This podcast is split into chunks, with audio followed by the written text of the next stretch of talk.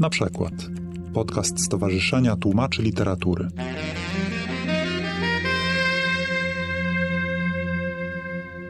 Proszę Państwa, proszę temat traktować pół żartem, ale pół żartem znaczy też oczywiście pół serio. Otóż ja sobie wyobrażam, że pomyślałem, że są takie trzy rodzaje nieopłacalności tłumaczenia. Trzy aspekty, czy wymiary, jak się teraz mówi. Nazwałem sobie roboczo finansowy, społeczny i taki trzeci, którego nie umiałem dobrze nazwać, nazwałem go apokaliptyczny. o finansowym później. Natomiast zacznę od tego społecznego, które dotyczy prestiżu zawodu, statusu społecznego tego zawodu, jakim jest tłumaczeniem. I no, nie jest dobrze. Oczywiście nigdy nie było dobrze, ale w PRL-u socjologowie mówili z niejaką rozpaczą o czymś, co nazywali dekompozycją czynników statusu społecznego. A chodzi po prostu o to, że taki profesor, dajmy na to uniwersytecki, miał zawsze bardzo wysoki prestiż społeczny, zawsze stał i nadal stoi niesłychanie wysoko, a zarabiał marnie, czyli, czyli no, no wyjątkowo marnie. W to, to, to, rozchodzenie się czynników statusu to było takie no, proste zjawisko, że, że pod jednym względem stoi wysoko, a pod innym stoi nisko. Tłumacz właściwie też zawsze miał z tym kłopot. No i nad tym rozpaczano, próbowałem to zrozumieć i opisać.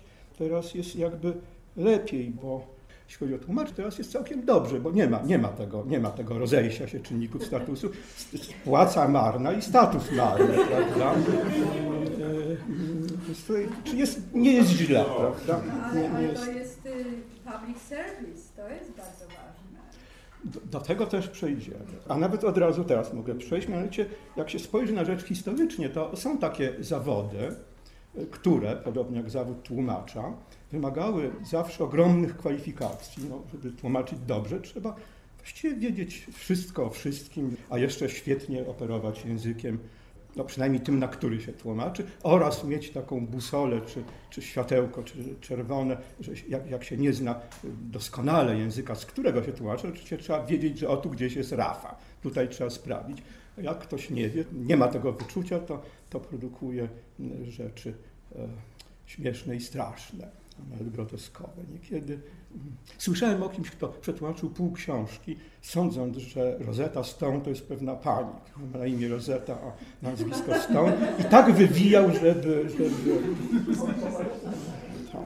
E, więc to, to, to, tak jak się spojrzy historycznie, to są też dwa takie znane zawody, które na to cierpiały, mianowicie zawód lekarza i zawód muzyka czy kompozytora. W dawnych czasach kompozytor to był nikt właściwie. Ja nawet wynotowałem trochę na ten temat, więc jak my teraz mówimy Jan Sebastian Bach, to co mówimy, to nie wiem jak to nazwać. No, na kolanach. Na kolanach, o bardzo dobrze, na kolanach. Jak o Bogu. A otóż w jego czasach to zupełnie inaczej wyglądało. On grał do kotleta dla kolejnych książąt, którzy go wyrzucali z pracy, bo a to pisał za dobrze, a to pisał za długo, a to miał pretensje niego nieustanne.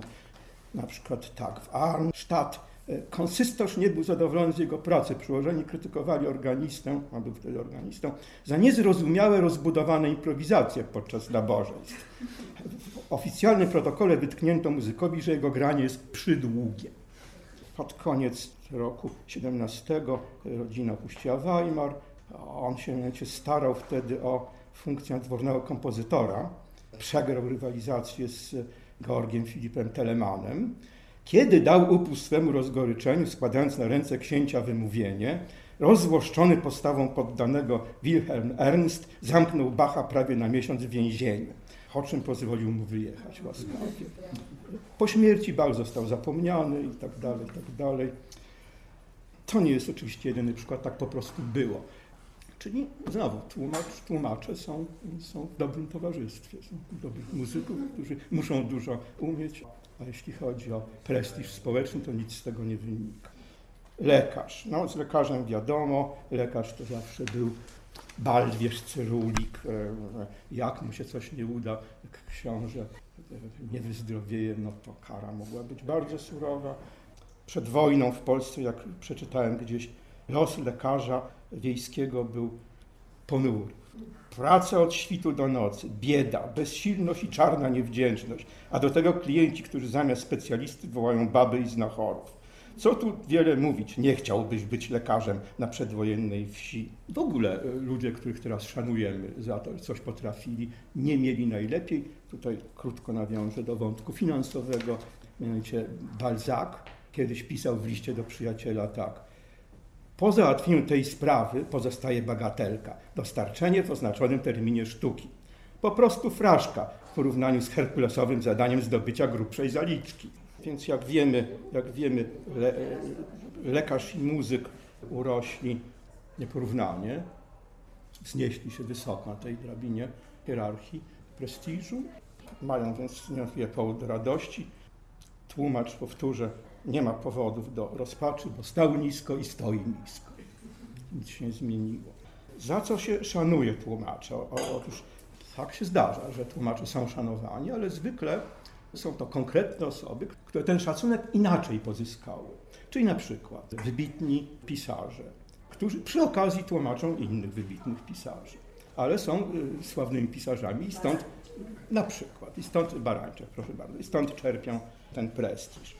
Są filozofowie, socjolodzy, przedstawiciele nauk społecznych, którzy właśnie jako profesorowie zyskują prestiż, a przy okazji tłumaczą innych profesorów socjologii albo filozofii, a to sobie od tak robią i wiadomo, że, że robią to. No bo, Takim e, przykładem ostatnio głośnym był z nim wywiad zresztą. To jest Richard Engelking, matematyk, profesor matematyki, bardzo słynny, polski profesor matematyki, zresztą ojciec e, Barbary Engelking. Natomiast e, Richard Engelking był moim profesorem, uczył mnie topologii, bo ja kończyłem matematykę teoretyczną, a on już wtedy, to było bardzo dawno temu, jakby hobbystycznie zajmował się przekładami z literatury francuskiej. I robi to świetnie od dawna. I czytałem właśnie jakiś czas temu wywiad z nim, gdzie to było, ty pamiętasz może? Tak, w dwutygodniku. I, i, I on opowiadał o swoim warsztacie tłumackim, o, o, tym, jakie ma kłopota, jak to robi itd. Tak itd. Tak no, dla zwykłego tłumacza to była opowieść o żelaznym wilku, bo on na przykład opowiadał o tym, jak przez miesiąc zastanawiał się nad jednym zdaniem. Mm, y, otóż y, takie czasy nastały, że wszędzie jest piekarnia i wszystko trzeba zrobić na przedwczoraj. Jakby tłumacz, który chce z tego wyżyć, ten wątek finansowy niestety będzie powracał. Się zastanawiał przez miesiąc nad jednym zdaniem, co by umarł z głowy. On sobie na to może pozwolić, bo jest wybitnym profesorem matematyki, bo pensję miał wtedy dobrą, no w miarę dobrą, mówiłem o tej dekompozycji czynników statusu, no ale sobie mógł z tego wyżyć, a tłumaczyć mógł, bo to lubił.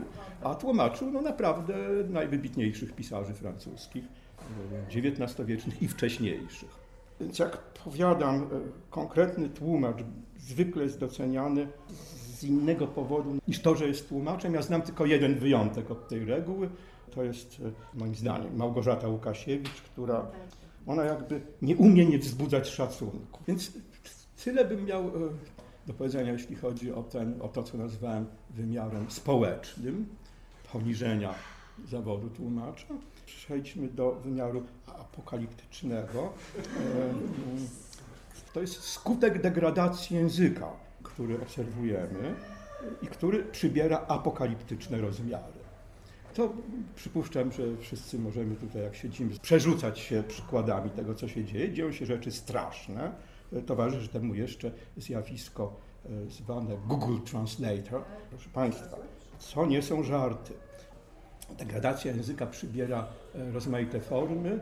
Zresztą muszę powiedzieć, że nie jest tylko polskim zjawiskiem, o tym mówią wszyscy. Holendrzy, z którymi rozmawiałem, mówią to samo, Niemcy mówią to samo, Francuzi chyba nie mówią, ponieważ oni nadal uważają, że są lepsi od, od wszystkich narodów, a Anglików zwłaszcza, więc, więc nawet jeśli ich, ich piękny język, który był językiem dyplomacji, Wimba Franka i tak dalej, e, miłości i tak dalej, został podstępnie wyzuty ze z tych należnej mu pozycji przez Anglików, którzy nawet gotować nie potrafią, to Francuz się nigdy do tego nie przyzna.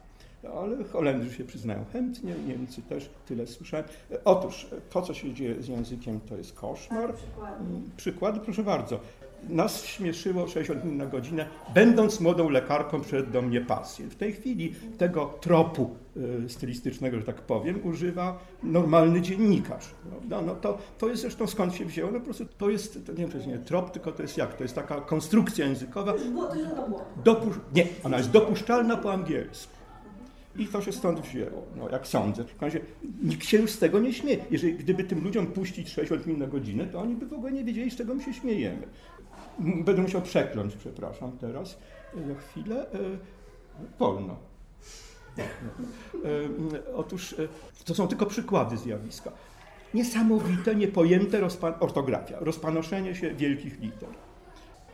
Bo kiedyś, przepraszam, się używało wielkiej litery w listach. Kiedy się pisało listy, kiedy jeszcze nie było e-maili, to pisało szanowny albo ko- kochany tam Antoni Ziutku, prawda? Ślę ci mój list, ci wielką literę. Zaimki osobowe, ale nie wszystkie, nie wszystkie, tylko, tylko te, tylko Adresata. adresata. Pisało się wielką literą. Otóż oni teraz doszli do wniosku, że wszystkie zaimki osobowe muszą być wielką literą. W związku z tym oglądam film i tam widzę podpisy. Leci lista dialogowa i tam jest leci, obiecałem przekleństwo. Teraz ci przypierdolę. Wielką, oczywiście wielką literą. Ale być może on tak kulturalnie przypierdol. Nie, nie, więc to jest, więc właśnie oni, oni nie rozumieją, czemu to służyło kiedyś i Ale to teraz ludzie piszą na przykład ci ludzie wielką ci, bo Tak, tak, tak, bo, bo oni doszli do wniosku, że zaimek, zaim, że zaimek ci osobowy. W tym Oni muzeum też piszą. II wojny światowej w podpisie do jakiegoś ci mali bohaterowie. Oczywiście ci z wielkiej, bo ci. Otóż dawniej to myśmy się klasowo naśmiewali, dajmy na to z ekspedientki w sklepie, która pyta, czy pan posiada drobne, prawda? E, A ja nie, a małżonka? E, O co chodziło? Chodziło o to, że pewien prymitywizm językowy nakazywał unikania słów zwykłych i używania słów wysokich. Otóż to, do jakiego stopnia to się teraz rozpanoszyło, budzi grozę. Ja oglądam w National Geographic albo w czymś w tym rodzaju film o rekinach i słyszę, że rekin posiada y, ileś tam zębów, które znajdują się w paszczy. No. One się tam znajdują. Nic nie, może, nic nie może gdzieś być, tylko się musi znajdować. Nikt nie może nic mieć, tylko musi posiadać. I tak dalej. W każdym języku zawsze bywały słowa wysokie i niskie. Po łacinie mamy y, kaballus i equus, prawda? Equus to jest koń dostojny, arystokratyczny, a kaballus to jest kobyła. Jeśli mamy, powiedzmy, język angielski, który od Wilhelma zdobywcy podebrał ogromną ilość słów francuskich, to one się nałożyły na słowa anglosaskie i teraz mamy spouse i wife, prawda? Spouse jest dostojne, to jest małżonka czy małżonek, wife to jest małżonka. Kobieta. Ko- Tak, tak. Więc to, to zjawisko jakby istnieje, istnieje zawsze, natomiast, natomiast tutaj mamy do czynienia z niewiarygodnym nasileniem się tego i znowu przekroczeniem różnych klasowych podziałów, bo, bo zaczęli tak mówić wszyscy, również ludzie wykształceni. Słuchajcie, jest jeszcze to, że język ulega degradacji dlatego między innymi, nie dlatego, że są wprowadzane nowe, y, coś nowego. Ja nie jestem przeciwny nowinkom, ani trochę, więc nie jestem jakimś starcem, co będzie wołało temporo mores ta dzisiejsza młodzież. Bardzo proszę, tylko, tylko ja protestuję przeciwko sytuacji, w której bogactwo językowe, cały szereg synonimów zostaje zastąpiony przymusowo jednym wyrazem. Tak się dzieje e, nieustannie ze wszystkim. Mega, mega, Mega, mega, tak. mega. Ale nie, ale mega to jest jeszcze takie z definicji kolokwialne. Natomiast y, właściwie kiedyś pojawiło się straszne, to są takie, to się biologia jakoś nazywa, gatunek taki, e, co się rozpycha. Karpia kiedyś sprowadzono do Europy e, z Azji. Inwazyjny gatunek, tak jest. I on wygryzł wszystkie inne tam w ogóle tego. Więc taki, to są takie słowa również, które wygryzają inne. I takie było kiedyś, dawno już temu, 20 lat temu, słowo dokładnie na potwierdzenie. Przecież potwierdzić możemy po polsku na mnóstwo sposobów. Właśnie, rzeczywiście, faktycznie, no masz rację, prawda, tak dalej. No, tak, tak. To jest wyłącznie dokładnie była. Ale słuchajcie, o języku, ponieważ wszyscy zajmujemy się językiem, to, to, to mamy takie obserwacje Bez końca, tak. mnóstwo. Ja chciałem powiedzieć, dlaczego, dlaczego degradacja, dlaczego, dlaczego degradacja języka zagraża tłumaczowi. Wspomniałem o Google Translator. Otóż On jest nadal straszny. Tutaj mam, wydrukowałem sobie na dowód. To jest plansza, która pojawiła się w filmie, jednym z serii Wojen Gwiezdnych. I jak wiadomo, każdy odcinek Wojen Gwiezdnych zaczyna się po angielsku od słów A long time ago in a galaxy far, far away. I tu leci, proszę zobaczyć, przekład. On się pojawił jako subtitle, prawda? Tam jest dłuższy czas. W galaksie. Bardzo daleko. No, otóż to jest, oczywiście to jest śmieszne, ale śmieszne i tragiczne są dwie rzeczy tutaj. Pierwsza taka, że mówię o Google. No to jest gigant internetowy. I oni, mając tak niedopracowane narzędzie translacyjne, spokojnie je wypuszczają w świat. Nie wstydzą się. To jest skandal. To jest jedna sprawa. Druga sprawa jest, że bez żenady używają takich tłumaczeń poważne firmy farmaceutyczne, wszelkie, które tłumaczą swoje ulotki. Oni po prostu wpuszczają, jeszcze piszą potem z małym drukiem, za jakość tłumaczenia nie odpowiadam. Co się dzieje? Dzieje się coś tragicznego, nazwałem to apokalipsą językową, dlatego jest to wymiar apokaliptyczny. Wszechobecność tak zepsutego języka, zepsutego na rozmaite sposoby. Fakt, że tak zepsutym językiem, tak strasznym językiem mówią ci, którzy powinni być wzorem i są wzorem dla reszty społeczeństwa. Dziennikarze, przepraszam, tłumacze też. Co to sprawia? Sprawia, że reszta społeczeństwa, a zwłaszcza młodzi ludzie, no przecież mają taki wzorzec, nie widzą innego. W związku z tym uważają, że tak właśnie trzeba.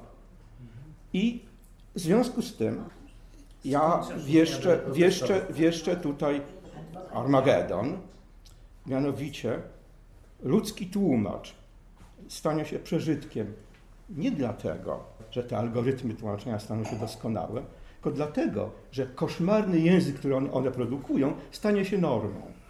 I niedługo zaczną nam poprawiać, odsyłać redaktorzy normalny, zwykły przekład, bo będzie za mało podobny do Google Translation. Więc dwa wymiary omówiłem, czyli wymiar degradacji zawodu tłumacza, wymiar społeczny, wymiar apokaliptyczny, został wymiar finansowy. Proszę Państwa, e, e, ja tylko zacytuję Bruno Winawera w tej kwestii, który powiedział tak. Pieniądze nie dają szczęścia, ale gruntownie zmieniają samopoczucie. I jeszcze drugą prawdę zacytuję na ten sam temat. Posiadanie pieniędzy jest lepsze niż nędza z powodów czysto finansowych. To Woody Allen. I na razie tyle. Rożek powiedział, że pieniądze szczęścia nie dają, ale nieszczęścia też nie.